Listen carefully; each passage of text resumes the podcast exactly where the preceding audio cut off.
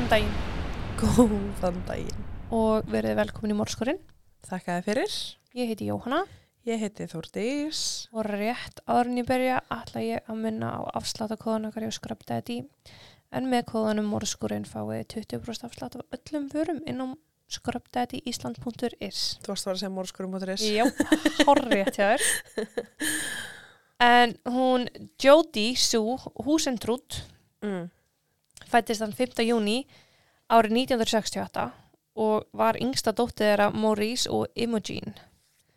Jodie ólst upp í Long Prairie, Prairie í Minnesota og þar átti hún því öðlega eftir að ganga í mennskóla.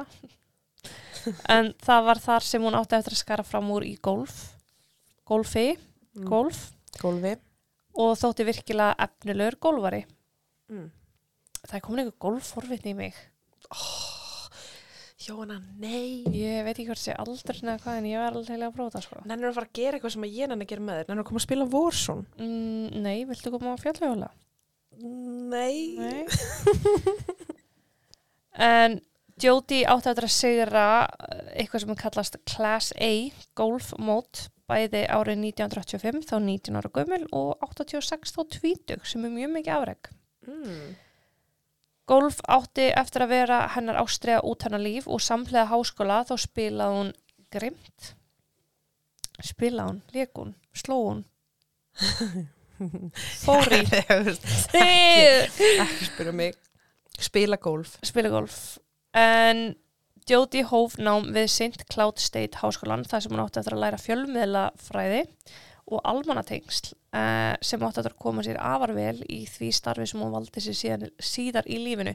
Sko ég er ekki 100% vissum að almanatengsl sé rétta kvótið en þetta er hérna svona Frétt. samskipta gráða. Já. Hvernig á að áverfa fullta fólki. Mm. Já. og þetta er svolítið svona PR dæmi sem er Já. Já. Sem við vitum hver, hvað er, kannski ekki allir. já, PR er þú veist eiginlega svona almann eða skiljur þú veist það er svona til dæmis þessi gráða sem hún er með myndi henda sem samskiptastjóri sem Já. upplýsingafulltrúi, upplýsingastjóri mm Mhm. þetta er þannig, þetta þannig gráða Já. en þetta, já, að koma sér alltaf voða vel fyrir hana. Hún útskrefaðist úr skólanum ára 1990 þá 24 ára gummul og hóf strax störf hjá Northwest Airlines e, þar sem hún stóð sér mjög vel enda um að ræða hörkuduglega unga konu sem að let bókstala nákvæmlega ekki neitt stoppa sig. Hún hafði flutt úr sínum heimabæ og hafði verið meirinn tilbúin til að gera hvað sem til þurfti til að láta sína drauma rætast og svakalega framsækin og ákveðin kona. Já. Hún átti sér draumum að vinna sem fréttaþölur og bara í sjónvarpi almennt og hefur sinn útsendingaferil hjá CBS í Cedar Rapids í Iowa og til þess að pota inn hérna þetta mál eiginlega framhald af áskriftaþættinum sem að koma út í gerð. Já. En samt hægt að hlusta það eitt og Í, sér. já, í sikurlega, En algjörlega. mæli samt með áskrift til að hlusta hitt. Já. En hún var ekkert að byrja að vinna sem einhver nemi, hún var bara strax yfirmæður eða stöðvastjóri þessa útibús sem hún hefði starfað hjá. Uh, en CBS var bara lítill hluti af risastóru útsendingabatteríi. Já. Þar stoppaði hún ekki mjög lengi, bara nógu lengi þar til að henni byggðist annað tækifæri og þanga fór hún í stuttastund þar til að henni að lókum byggðist starf sem framleiðandi og fréttaþölur þá 27 ára gömul fyrir morgun fréttatíman Daybreak á sjóarstöðunni KIMT TV Já. í Mason City í Iowa. Hún hafði komið sér fyrir eini íbúð í Mason City, svona bara flottur komplex, bara fjölbýlishús, vallablokk, en samt fjölbýlishús, svona fínn íbúðir. Og hún elskaði vissulega þessar nýlu aðstæður sem hún var í, en hún leita á þetta sem bara stoppustuð, af því að stefnan var sett herra. Já. Hún ætlaði bara að komast í alþjóðarsjóvarp eða sjóarstöðar eins og NBC, CBS, ABC, Fox News, þessar rísustóru þekktu stöðar, Já. ekki þessar uh, ríkisstöðar. Nei, nei, nei. Uh, þarna á þessum tíma er hún að byrtast að skjáum íbúa Mason City og annara íbúa Iowa ríkis. Og það henni ekki til, hún vildi bara meira. Og það snýrist ekkert um ekkert fræð og frama heldur bara að geta sínt hann árangur, hún gat þetta, hún gat komist Þú veist, það var það sem dreif hann áfram. Þessi morgun þáttur sem hún vann hjá hóf útsendingu klukkan 6 á mótnana svo að Jóti þurfti yfirleitt að vera mætt upp úr þrjú á mótnana á nóttunni já, til að undirbúa útsendingu og gera sjálf sér til sem störlun að þurfa að byrja að vinna svona snemma. Á, það er bara á að ekki vera heilagt, sko. Nei, það er, ha? Það er ekki heilagt. Nei En blessunlega það bjóð hún mjög nálægt uh, vinnustanum og gat yfirleitt komist upp með að skjótast út heiman frá sér alveg síðust stundu. Mm. Samhliða starfinu sínu átti hún bara frekar virt félagslíf í þeirri meiningu að hún átti mikið af góðum vinum sem hún hitti og hún var alltaf í gólfinu og tók enn mjög virkan þátt í öllu þeim golfmótur sem hún komst í. Hvað? Bara eins og hún hefur alltaf verið á gólfinu, skilur. Það hafði einmitt verið mikið að gera hjá henni síðustu vikunni í júni 95, 1995 en hún hafði farið á vaskiði með vinafólki sinu í Iowa City helgina 23. og 25. júni 23. til 25. júni og þann 27. júni þá vaknaði hún eldsnemma til að mæta og lesa morgunfréttunar fyrir Mason City íbúa. Því var lokið um klukkan 17 á morgun reyndar að næsa bara að klára vinda en klukkan 7 mótana. Emitt, sofa til 11 Mm í allan daginn. Uh, og klukkan nýju þá var hún mætt á samt golffélögum til að spila á góðgeramóti. Þetta var árlegt mót og svolítið svona business mót. Ok, Þetta var svona að koma og sína sig og sjá aðra og sapna í leiðinni fyrir góðum já. Jóti spilaði þarna frá nýju til hádegis en skraptaði heim til þess að skipta um fött og græði sig fyrir kvöldverðin sem var framöndan. Þar sem að verðlaun fyrir mótdagsins eru veitt. Hún var mætt aftur um hálf fjögur þannig dag til í fjörið og spjallar þarna við vini og aðra og hún minnist þarna á að hún sé búin að fá afar pyrrandi símtöl heim til sín og að hún þurfi að fara að skipta um símanúmer.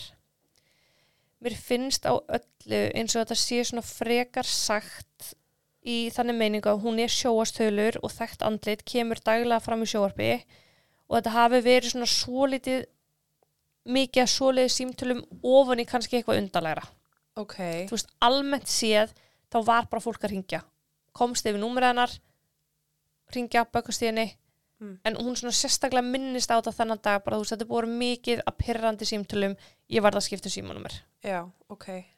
Bara frá random aðlum, ekki bara einum. Nei, bara þú veist, það er svo sem ekki tekið fram heldur, sko, hún bara segir þetta svona. Ok, Klukkan átta þá ákveði Jóti svo að fara heim en það þurfti hún að vakna snemma um morgunin en þegar hún kom heim ákveði hún að heyra í góðvinkunni sinni henni Kelly sem að bjóði Mississippi. Kelly var því miður ekki heima svo Jóti spjallaði stuttlega við eigimann hennar og átti þau bara mjög venjulegt spjall. Jóti hljómaði hress og kátt og til í vinnuvíkuna sem var framöndan. já, Hún skrapp svo aðeins út til að hitta vin sinn og sína honum myndbönd af óvæntu ammæli sem hann hefði haldið fyrir djóti fyrir mánuðunum. Svo bara fór hún, kvatti og fór heim og væntalega bara að sofa. Morgunin eftir átti djóti að mæta stundvíslega eins og alltaf klukkan þrjú en þennan morgun var hún ekki mætt. Klukkutími leið og ákvað samstarfskona Jóti, hún Amy, að ringja í hana og það kemur í ljós að Jóti svaf bara yfir sig. já, Þannig að Amy ringir, Jóti svarar og segir bara eins og var, hún svaf yfir sig og hún væri bara að hoppa í fött og kæmi eftir smá stund. En það bjó hún í fimm myndna akstusfjalaði frá starfstöð sjóars stöðvarinnar. já, En klukkan fimm var Jóti ekki enn mætt og Amy ringdi í Jóti aftur en fekk nú ekkert svar. Það var því ekkert annað í stöðunni en að Amy myndi bara lesa þessa fréttir fyrir Jóti og Amy hugsa bara að Jóti, hún lítur bara að hafa sopnað aftur. ok, En þegar Amy hafði enn ekkert heyrt klukkutíma eftir það eða klukkan sjö þá bað hún e, samstarfsmann sinn um að ringi í lauruglu fyrir sig til þess að óska að framkvæmt er þið velfæra eftirlit á heimili Jóti. Þetta þóttinni orðið of skrítið til þess að hunsa. já, Símtali barst til lauruglu klukkan- klukkan 7.13 og klukkan 7.16 var lauruglu þjótt frá Mason City lauruglunni mættur á staðinn. sem bara klapp, klapp og húrrei það er þrjár mínútur hana Já. það fór ekki fram hjá honum að fyrir utan heimili Jóti hafði, hafi einhvers konar átök átt sér stað en Jóti hafði nýverið keift sig glæniðan bíl sem var lagði fyrir utan heimili hennar en eins og ég segi hún bjó í fjölbílshúsi uh, þannig að þetta er svona samheld bílstæði Mm Lögreglumæðurinn þurfti ekki einu svona aðtöga hvort að Jóti væri inni í íbúðinni svo skýrt var það að einhvað hefði átt sér stað. En það voru skýri merki á malbygginu á bílastæðinu að einhvað eða einhver hefði verið dregin með látum. Hvort það hefði verið eitthvað svona dragfur eða eitthvað. Já. Bílleikla Jóti fundust og það var rækilegur svona bógi, bara beglun, begla á leiklunum Ok. og rauðu háhæluðu skotnur hennar, hárblásri, hárspray og yrnalokkar lágu á víð og dreif í kringu bílinn hennar eða við bílinn hennar. Svona eins og hún hafði þá kannski verið með það í tösku eða eitthvað Mhm. á mist. Ok. Lófafar var á bílnum hennar sem var einni undalegt en gaf lauruglu hugmyndum að trúlegast hafi Jóti lagt henduna upp við bílinn þegar hún setti líkilinn í skráagatið í þeirri meining að taka hann úr lás áður hún setti sinni bílinn og þá hafi einhver ráði staðinni og henni hreinlega rænt. Ok. Eða þá árásamaðurinn setur hendina upp á bílinnum og tekur utanum hana Já. og henni er rænt. Einmitt. Það kemur bara þetta tventi greina. Já.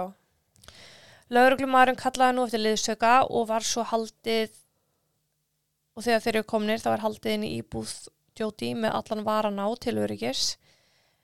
Þar leit allt út eins og átt að vera. Nefnum að það tekið fram að klósettsetan var uppi sem var undarlegt að þetta var heima hjá konu.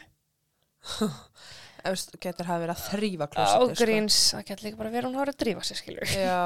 En það var þannig ekkit rótað og ekkit tætt, ekkit ábyrrandi. Nágrannarnir voru ripnur á fæturöðna eldsam morguns til að svara spurningum lauruglu en það ekkert vafamál að Jóti væri í hættu akkurat á þessari stundu. Aha. Nágrannarnir sögðist hafa orðið varið við öskur um hálf fimm þannig morgun sem var þá bara hálf tíma eftir að Jóti sagði við Amy og hún væri að hendast í fötu út í bíl. Já. Það byrja hálf fimm, áttur ekki að mæta þrjú? Jú, hún svaf yfir sig. Ah. Amy ringdi í hana klukkan fjögur af því þá var hún ekki ennþá mætt Já, já, já. og vakt hana. Já. Ákveðið var að ganga í hús í kringum húsnæði Jóti og heyra í nágrannum Jóti til þess að leitast eftir frekar upplýsingum og þá kemur ljós að nágrannu Jóti, maður í öðru húsi ofar í götunni, hafði séð ljósan sendibíl lagðan á bílastæðinu heima hjá Jóti um þetta leiti en þá hafði hann sjálfur verið á leiðin í vinnuna. Og þetta var alveg það óvinnulegt bara, ég hef aldrei séð hann bílarna og þú veist, þetta er off, ég tek eftir þessu. Já, já, já. Þetta var því orðið enn skýrara að einhvað sagnæmt hefði mögulega átt sér stað og innan tveggja klukkustunda voru tugi leitamanna í hópum sendur af stað til að leita í nágrinni við heimili Jóti. Í fyrstu var einbyttingin á lítinn radjus eða 30 km radjus í kringum heimili Jóti. Hann var síðar stækkar í 8 km radjus og svo í 16 km radjus. En þegar búið var að leita af sér allan vafa þessa 16 km radjus þá var náttúrulega ekkert annað í stöðuna en bara stækka ennþá frekar og bara hætta að hugsa í radíusum Já. og stækka bara að leita svo að all veruleika. Já, þetta var eitthvað voða tvísakn hjá mér. Hætt að hugsa um radíusur. Já, þú veist, hætta að hugsa í radíus. Þetta hvað minnar. Jóti var nefnilega hvergi að finna og nú eru dagarnir farin að líða. Shit. Þetta var allar sorglegasta málíka því Jóti hafði fyrst og fremst verið að standa sér svo brjálanslega vel 27 ára gömul með hann flotta starfsferil Mm og það kemst upp þegar hún hverfur að hún var í viðræðum við Twin City sjóastöð ína sem var tölver starri stöð en hún vann við nú þegar og var nær hennar heimabæ Long Prairie Og í bara eitthvað svona draumur Já, bara þar. næsta skref skilur, þú veist, í áttina því sem hana langaði að gera. Akkurat. Lauruglan rætti við Amy til að reyna að skilja hvernig aðstæðu Jóti voru þegar hún heyrði henni, þannig að 30 mínútum áður en henni er væntalega rænt. Já. Og Amy stóð först á því að Jóti virtist bara vera ein, nývöknuð og var að drífa sig út til þess að komast í vinnuna. Já. Lauruglan vissi að þetta væri öðruvísum málun mörg mannrán af því að Jóti var eins og ég nefndi á þann þekkt andleit samfélaginu vegna hennar starfs. Uh Hún hefði minnst á pyrrandi símtöl en hafði aldrei talað í neinum áhyggjum. Nei. Bara þetta var frústrandi, þetta var bara pyrrandi. Já. En þegar lauruglan fyrir að skoða málum betur þá kemur ljós að Jóti hafði áður tilkynnt lauruglu sjálf uh, um atvik en nokkru mánuðum áður að þá var hún eld á meðan hún var út að hlaupa. Uh, Þá sagði hún við lauruglu að svartu pallbíl hefði verið alltaf sig. ok. Í kjölfarið fjekk hún lauruglu fylgd heim með sér nokkuð skipti eða þar til að Jóti uppliði þessu öruga en hún var bara ekkit örugar en þetta. Nei, líka sko, lögreglu fylgd næstu þrjá dag ef einhverju elda þig. Mm -hmm. Þá er náttúrulega bara býður þrjá, eða fattar þau, og Já. svo fjórða degi er ekki lögreglu fylgd og þá lætur þau til skarar. Skarskri, já, já. Ég, ég er mjög feina, þú tókstu við. Já, ég satt ég hef ekki sagt sko. þetta eins. En, ó, ég vildi að ég hefði litt að klára þetta maður. ég veit ekkert hvað ég hef sagt, sko. Fyrsta júli þá ákveður lauruglan að halda blaðmannafund og bara fara yfir málið. Þar kemur fram að fólk ætti að hafa augun opinn fyrir hvítum eða ljósum Ford sendibíl, trúlegast af mið 9. tugs ára, árgerð, eða 1985. Ok, og það er það út af þessu vitnisbyrði að bílinn hefði sérst. Já. En þetta er samt ekki svartur eins og hún saði. Nei, Nei. það, þetta kemur bara út frá því sem að nágranni hennar taldi sig að þarna sammorgun um samanleiti. Er hann litblindur? Ekki að ég veit Ok. til. En, nei, þetta er líka sendibíl og pallbíl, sko. Já, já, já. Já. hann þarf að vera rækilega blindur og hann þarf að ruggla þessu Sendibíl, guðminn ég veit að það er bara brandið Það ætti að banna að selja þessa bíla, sko. En tekið var fram að talið væri að slíku bíl hafi verið fyrir utan heimili Jóti morgunun sem hún hvarf. Mm. ekki var mikill framgangur í málinu en það lítið til að fara á. Jóti var rænt í skjóli nætur þegar fæstir voru á ferð og ef einhver heyrði einhver er, ef einhver heyrði einhvað eru fæstir tilbúinir til að kíkja til að sjá hvað væri í gangi. Það er bara kaldur raunveruleiki sko Ekki nema kannski út úr gluggan. í, Í forvitnis já, en lauruglan var ekki með neitt grunaðan þannig en þeim þótti ástæða til að skoða John vin Jóti sem hún hafði heimsótt kvöldi áður Já. John var nefnilega 20 árum eldri en Jóti sjálf það hefði verið óbærslega gott samband þeirra á milli núna að verða í sjö ári eða frá því að Jóti var rúmlega tvítug Ok. Þetta þótti lögreglega eitthvað undalegt. Fyrir utan það að hann er síðastu til þess að sjá hana kvöldi áður en henni er rænt. Já. Hann stóð fastur á því að á milli þeirra væri bara vinátta og einhvað væri og ef einhvað væri þá væri Jóti frekar eins og dóttir heldur en einhvað annað Ugh. og úr því að lögreglun hafði litið á hann hafði lítið á hann þá var ekki mikil ástæð til þess að fá hann eitthvað að heilan skilur að reyna eitthvað að rannsaka eitthvað frekar af því það var ekkert sem að Nei. bendit inn eins annað en bara praktikinn í að aðtöða hann skilur að því hann er síðastu til þess að sjá hana Og mest eitthvað creepy við það að segja að hún sé eins og dóttir. Og þeir að hanga saman á kvöldi til. Kvöldin Já, að ég veit ekki Æ, ég veit ekki, þú veist. Já, það, ekki. Já, ég skilði það alveg en í kjölfarið þá fór málið að kólna og það kólnaði eiginlega bara fáránlega hratt Ok. og ólíkt mörgum mannskvarfsmálum sem staðan á þessu var þarna þá hverfur hún undir bílaslega grunnsanlegum kringumstæðum. Já. Það er ekki eins og oft að fólk verið skufa upp, henni var bara rænt og við vitum það og við vitum að þetta er saknæmt og það er bara enginn vafi um neitt annað. Nei, og líka sko, mér finnst mest creepy að vanalega, ef einhver var fylginni, vanalega fór hún fyrir kláðan þrjú, Mm þannig að svaf hún yfir sig.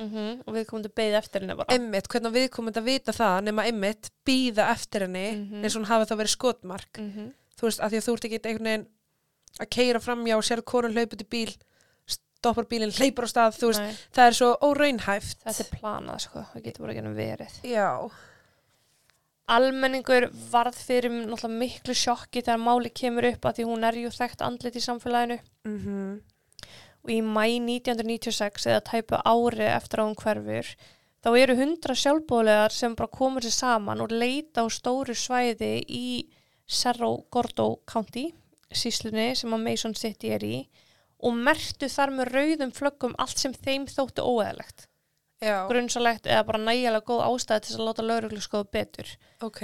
og þegar þau hafi komið að ég get ímynda mér tugum ef ekki hundruðum flagga þá kom lögreglun og tók við Mm. og í kjölfarið þá, þá kemur smá snúningur á rannsóknun aftur en þó ekki meira en það bara að það koma þarna ábendingar sem þau þurfa að skoða og útiloka og græja og gera sem að teku tíma Já, já, já. Tveim árum eftir að Jody hverfur var maður að nafni Tony Jackson handtekinn og hann ákjærður fyrir fjölda kynfyrir árasa.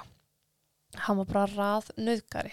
Hann hafði ráðust á konur við svegar en aðalega í Minnesota en hann hafði teikt sig í kringum Mason City og þegar að Jody hverfur þá býr hann tveimur götum frá vinnustæðanar og það er ansi nált heimilegna líka.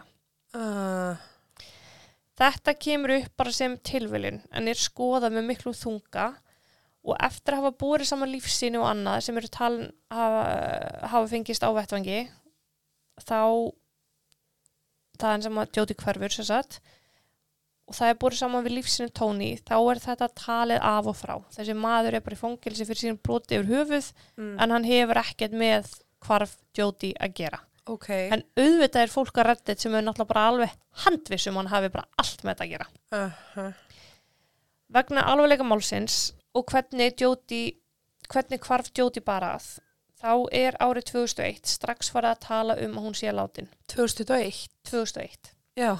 Já. og fjölskylda hennar óskar eftir því að hún sé útskurðuð látin Mm. það er gert enda því miður alla líkur á því að Jóti hafi verið tekin í þeim tilgangi Já. uh, aðvirðist í það minnsta. Fjölskylda hennar opnaði síðar eða árið 2003 vefsíðu sem er enn uppi í dag og þar er hægt að lesa sér til um málið. Þau gefa út pistla og auglýsa efni sem hefur verið gefið út í tengslum við mannránennar Mm. ásamt því að vera með svona ábendinga klausu þar sem að fólk getur ennþá daginn í dag sendt inn ábendingar og fyllt út svona form upplýsinga form og sendt til þeirra Já, já, já. sem hlýtur að vera hausverkur út af fyrir sig Já, líka bara að þú ert kannski að tjekka daglega eftir hvort það komi ný ábyrting og þetta er bara líf þitt í dag, sko. -hmm. en þetta er þau að gera um vo með vonum að þau komist að því hver örlög djóti raunverulega voru Mm -hmm. tveimur árum síðar eh, eða 2005 þá ákveðu sumu einstaklingar á svona góðvinum hennar í Minnesota að koma á lakirnar Jódís, hvað? Þú sagði 2001 og svo tveimur ára síðar 2005. Já, 2001 og svo 2003 opnaði vefsíðu. Já, já, og svo 2005. Já. Já. 2005 ákveð sumu einstaklingar uh, ásamt góðvinum hennar í Minnesota að koma á lakirnar Jódís Network of Hope en þetta eru samtök sem að sapna fjármagni með golfmóti Ok. eru peningarnir sem sapnast notaðir til að bæði halda uppi vefsíðunni, minningu hennar og svo fyrir stór hluti fjármagns í að efla öryggi í þessu tilfelli hvenna í samfélaginu. Ok. Golfmóti er ennþá daginn dag haldið á hverju einast ári í kringum ammálstag Jóti sem hefði verið 5. júni. Og þess vegna langar þig að byrja að spila golf? Nei. Árið 2008 þá fekk Mason City Globe Gazetta, blaðamaður, blaðamaður á þessum miðli, til sín afrit úr dagbók eða 84 blaðsjör úr dagbók. Ok. Judy átti auðvitað þessa dagbók þannig að þetta þótti afar undarlegt og grunnsanlegt en það átti enginn að hafa aðgang að svo persónlegum munum nema Judy sjálf og þá lögreglan. Já, þú sagði duty. Sæði Judy? Já. Ómagat, já, ég skrifaði það. Já. Lögreglan sökti sér í þessa hólu og var um tíma vissum að geta leist málið þá. Þú veist, að því að þetta var koma upp. Já. En þegar að þetta var betur skoðað, þá komi ljós að eiginkona, sko, lögreglustjóra hafði komist yfir sér gögn og sendt þetta til bladamannsins og ætlaði bara að græða pening. Uh, Að því í dagbókinni komu fram draumar og framtíða áfram djóti sem voru þanniglega krassandi upplýsingar, bara slúður sem að margir nærast á já. og þessi eiginkona lögreglustjórans ætlaði að græða á. Mm. Þannig að hún hefði bara stólið gögnunum úr sönnunagagna geimslu Já. lögreglunar. Mm Að ég meina þess Og selt. gæti þessi lauruglustjóri verið með í tölvunu sinni, sko. Já, aðgang að þessu. 2008, já, Já. algjörlega. Lögreglan velti fyrir sér lengi hvort að mannrán Jóti geti tengst fíknefna heiminum líka en góður vinu Jóti hafði aðvartalið fyrirfæri sér þremu mánuðum áður en hún hverfur. En það eru alla líkur á því að þar sé um að ræða afar dulafullan dauða en það fannst ekki vottur af byssupúðurögnum á honum hvorki á líkamannum, líkamanns eða höndum eða neitt slíkt. Ok, spes. Já. Rosalega spes. Hins vegar hafði þessi maður haft mjög hátt um vaksandi með amfetamin fíknefnafaraldur sem var að herja á svæðinu Mm. og hann hafði viljað veta- vekja aðtegli á málefninu svo hægt var að gera eitthvað í því. Já. Grunur leikur á að hann hafi verið myrtur en að einhver hafi hilmt yfir það og þá sá einhver sér tengdur inn í fíknefnaheimin eða var þá árið 1995 þegar hann deyr. Já. Spurningu var þá hvort að Jóti hafi einhver hugsað sér að taka við keflunu af vinnusinum Ah. til að heiðra minningu hans Já. og berjast þá fyrir sama málstaf og hann ætlaði sér sem er enn ríkalega mikið vandamál ennþá daginn dag Mm og hann hafi þá verið rænt í kjölfari af því. En var það þá eitthvað sem einhver ætti að vita? Það er spurning hvort það sé eitthvað svona expose situation Já. að því að til þess að svona hlutir fái að nærast í samfélaginu þá eru einhverju spiltir. Já, já, já, 100% sko. Þannig að það er spurningum hvort að hann hafi verið komin á sporið um einhver, einhverju spillingu Mhm. sem væri að leifa þessari methamfetamin neyslu að grassera í samfélaginu Já. og að Duty hafi vitað það á þig líka. Hvað er að mér? Ég, ég er að horfa á Duty hérna og ég breytti þess ekki.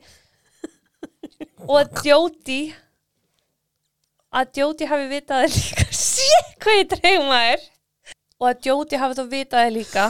Ég get ekki horta þig. Ok, þetta var ekki svo fyndið. Já. Og að Duty hafi vitað þig líka. Já. og hafið ætlað sem sagt jafnvel hvort hann hafi verið byrjað að skrifa um þetta eða ætlað að skrifa um þetta og það hefur frest út eða komist upp og mann, þú veist, frest mann á milli Ég meina hún hefur kannski farið á að vera að spyrja spurninga einhver staðar. nákvæmlega, veist, og þetta er allt sem við náttúrulega bara vitum ekki, þetta hefur aldrei verið staðfest Nei, og er ekki hægt að staðfesta. En áfram liður svo árin og árið 2017 var ákveða að skoða John vinnanar aftur, þannig 20 árum eldri vinnanar, Sem var samt búin að útiloka. já.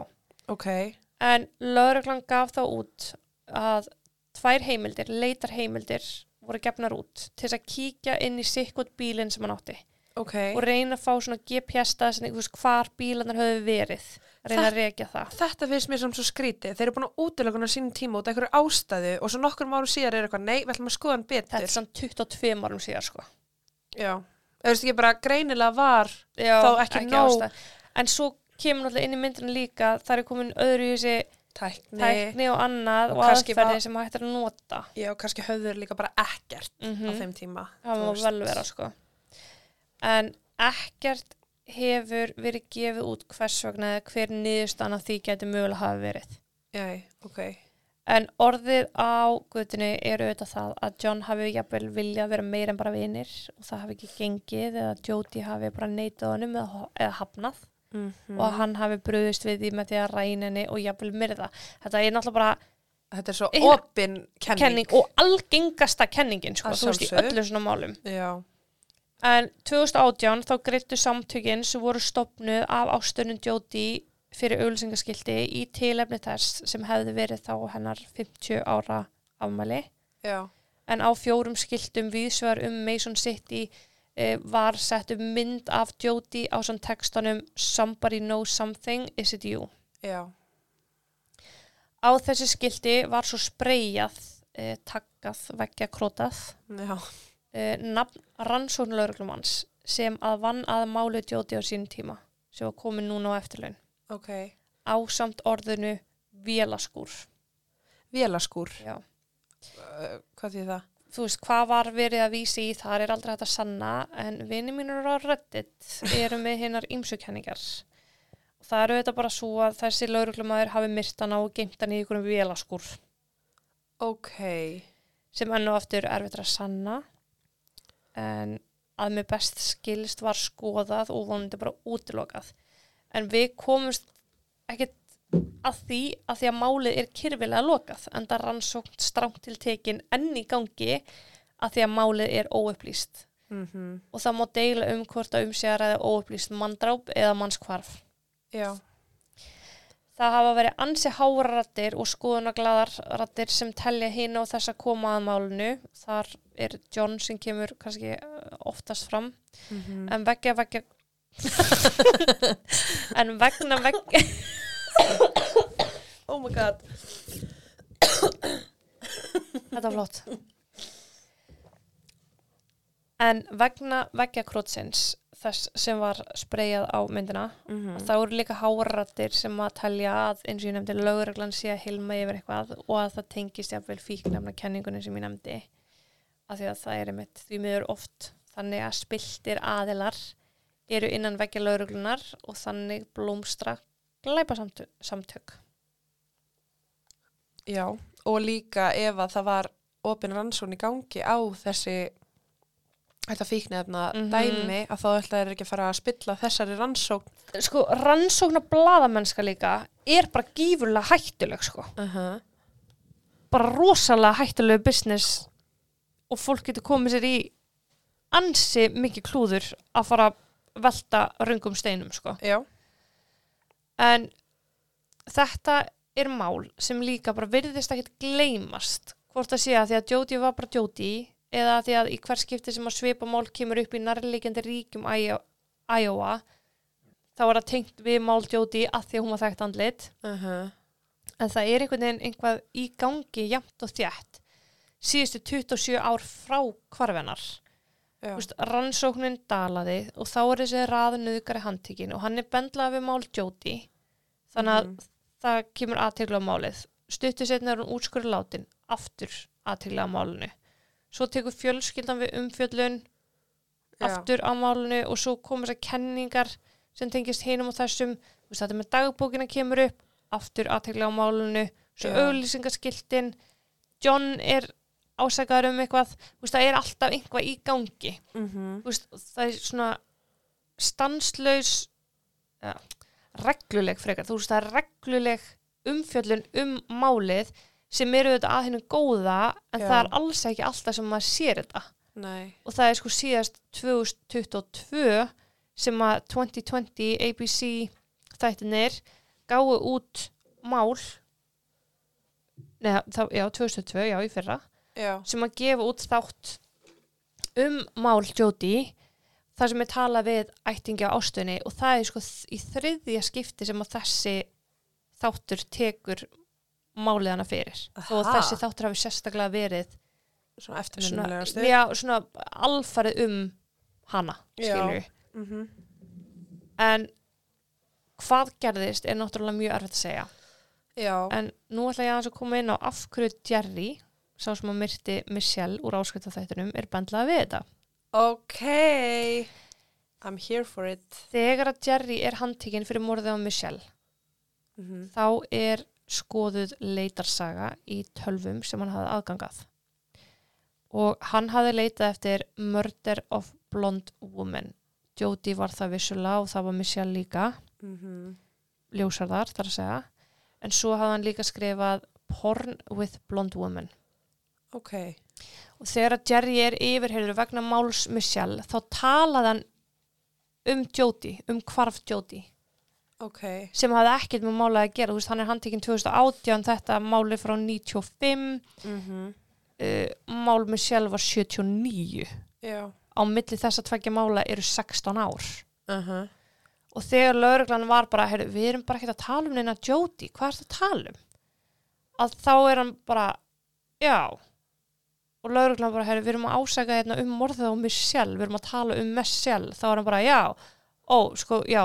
Jóti málið það var náttúrulega svo stórt sko.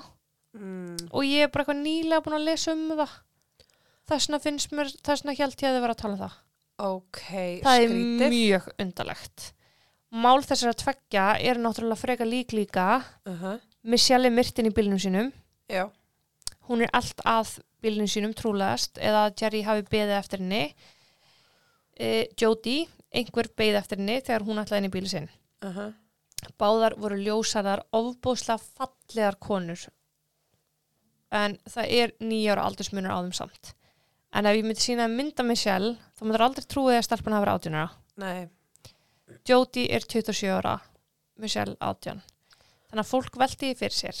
Eiga málin eitthvað sammeðlegt hafði Jerry einhvað með mál Jodie að gera 16 árum eftir hann myrti Michelle. Uh Lauruglan hefur ekkert viljað tjá sinni eitt brjálaslega um möguleg tengslmáluna tveggja eða mögulega aðkomu Jerry að máli Jóti en það væri líka ofbúslega óeðlegt þar sem að mál Jóti er kyrfilega lokað af því að það er óupplýst. Þeir eru að halda öllum, þú veist, spilum að sér. Já, Ef mál er ekki lokað það er þú veist bara, það er ekki verið að gefa upp upplýsingar úr því. akkurat. En er ekkert að bera saman lífsinni eða DNA eða eitthvað sem fannst á Það- vettfangi á Jóti? Er nefnilega málið að það, þeir eru bara ekki að gefa neitt upp, skilju. Ok, Þannig að ég bara veit ekkert hvort það séu lífsinn eða annað sem feng, Mm. fegst. ok, skil. En Jerry, þegar hann er handtekinn fyrir morðið á Michelle, þá bjó hann í 45 mínúna akstursfjallæð frá Cedar Rapids, þar sem hann myrti Michelle. Uh Frá heimili Jerrys og til Mason City, þar sem að Jody bjó, eru tvær klukkstundir. Ok, Og það í sjálfu sér ekkert óeðlileg, óeðlilegt að skjótast eitthvað til, nei. þú veist, Mason City. En þetta er náttúrulega svolítið svona bara do what you want með þessu upplýsingar. En þetta er einhver sem er mjög áhugavert og það er ekkert að neita því. Nei, að því mér finnst, eins og segir, það mest skrýtna við þetta er að 16 ár líða, Mm -hmm. þú ert handtekinn fyrir morð, mm þú veist alveg hvað morð, -hmm. en þannig ertu að tala um djóti Já, og þú veist, jújú, jú, það eru örgla mál sem að margir þekkja frá svæðinu, en það eru fullt af öðrum málum sem margir þekkja frá svæðinu líka. já. Þannig að af hverju er þetta minnast á hana fram yfir einhvern annan Nákvæmlega. og af hverju er þetta minnast á hana yfir höfuð. Uh Og Eins og- málin mjög lík. Já, og sérstaklega því að þú veist, kannski vantaði bara viðkenninguna, þú veist, Já. ok, þeir veit ekki af þessu, ég er the master, eða þú Mhm. veist, eitthvað. En að svo missa þetta upp úr sér, þú veist, hann efvist voða vandræðilegur í yfirherslanum hjá Michelle að þegar þetta kemst upp, þegar hann bara, já, Jóti. Bara, nei, hv- hvað er það að tala um? Hver er Jóti? Við erum að tala um Michelle.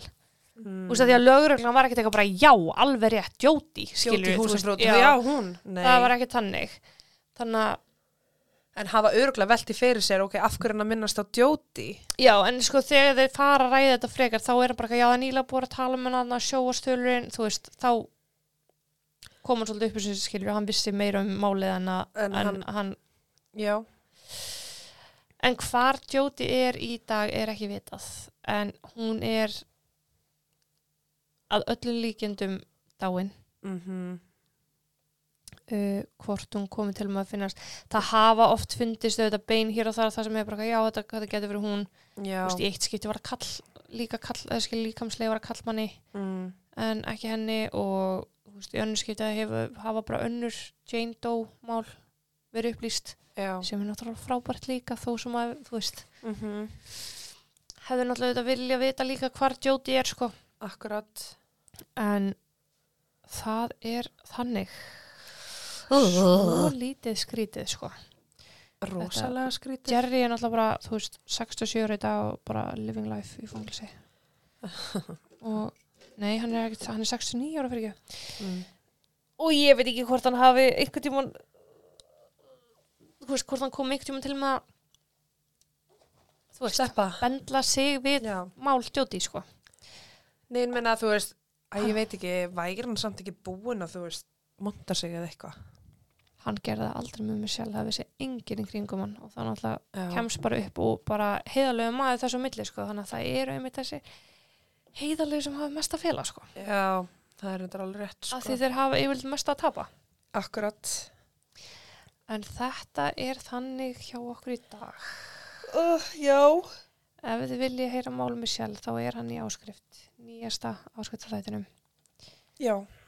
og já, Uh þá bara þakka ég fyrir mig í dag Já, takk og bless. takk og bless Og það til næst.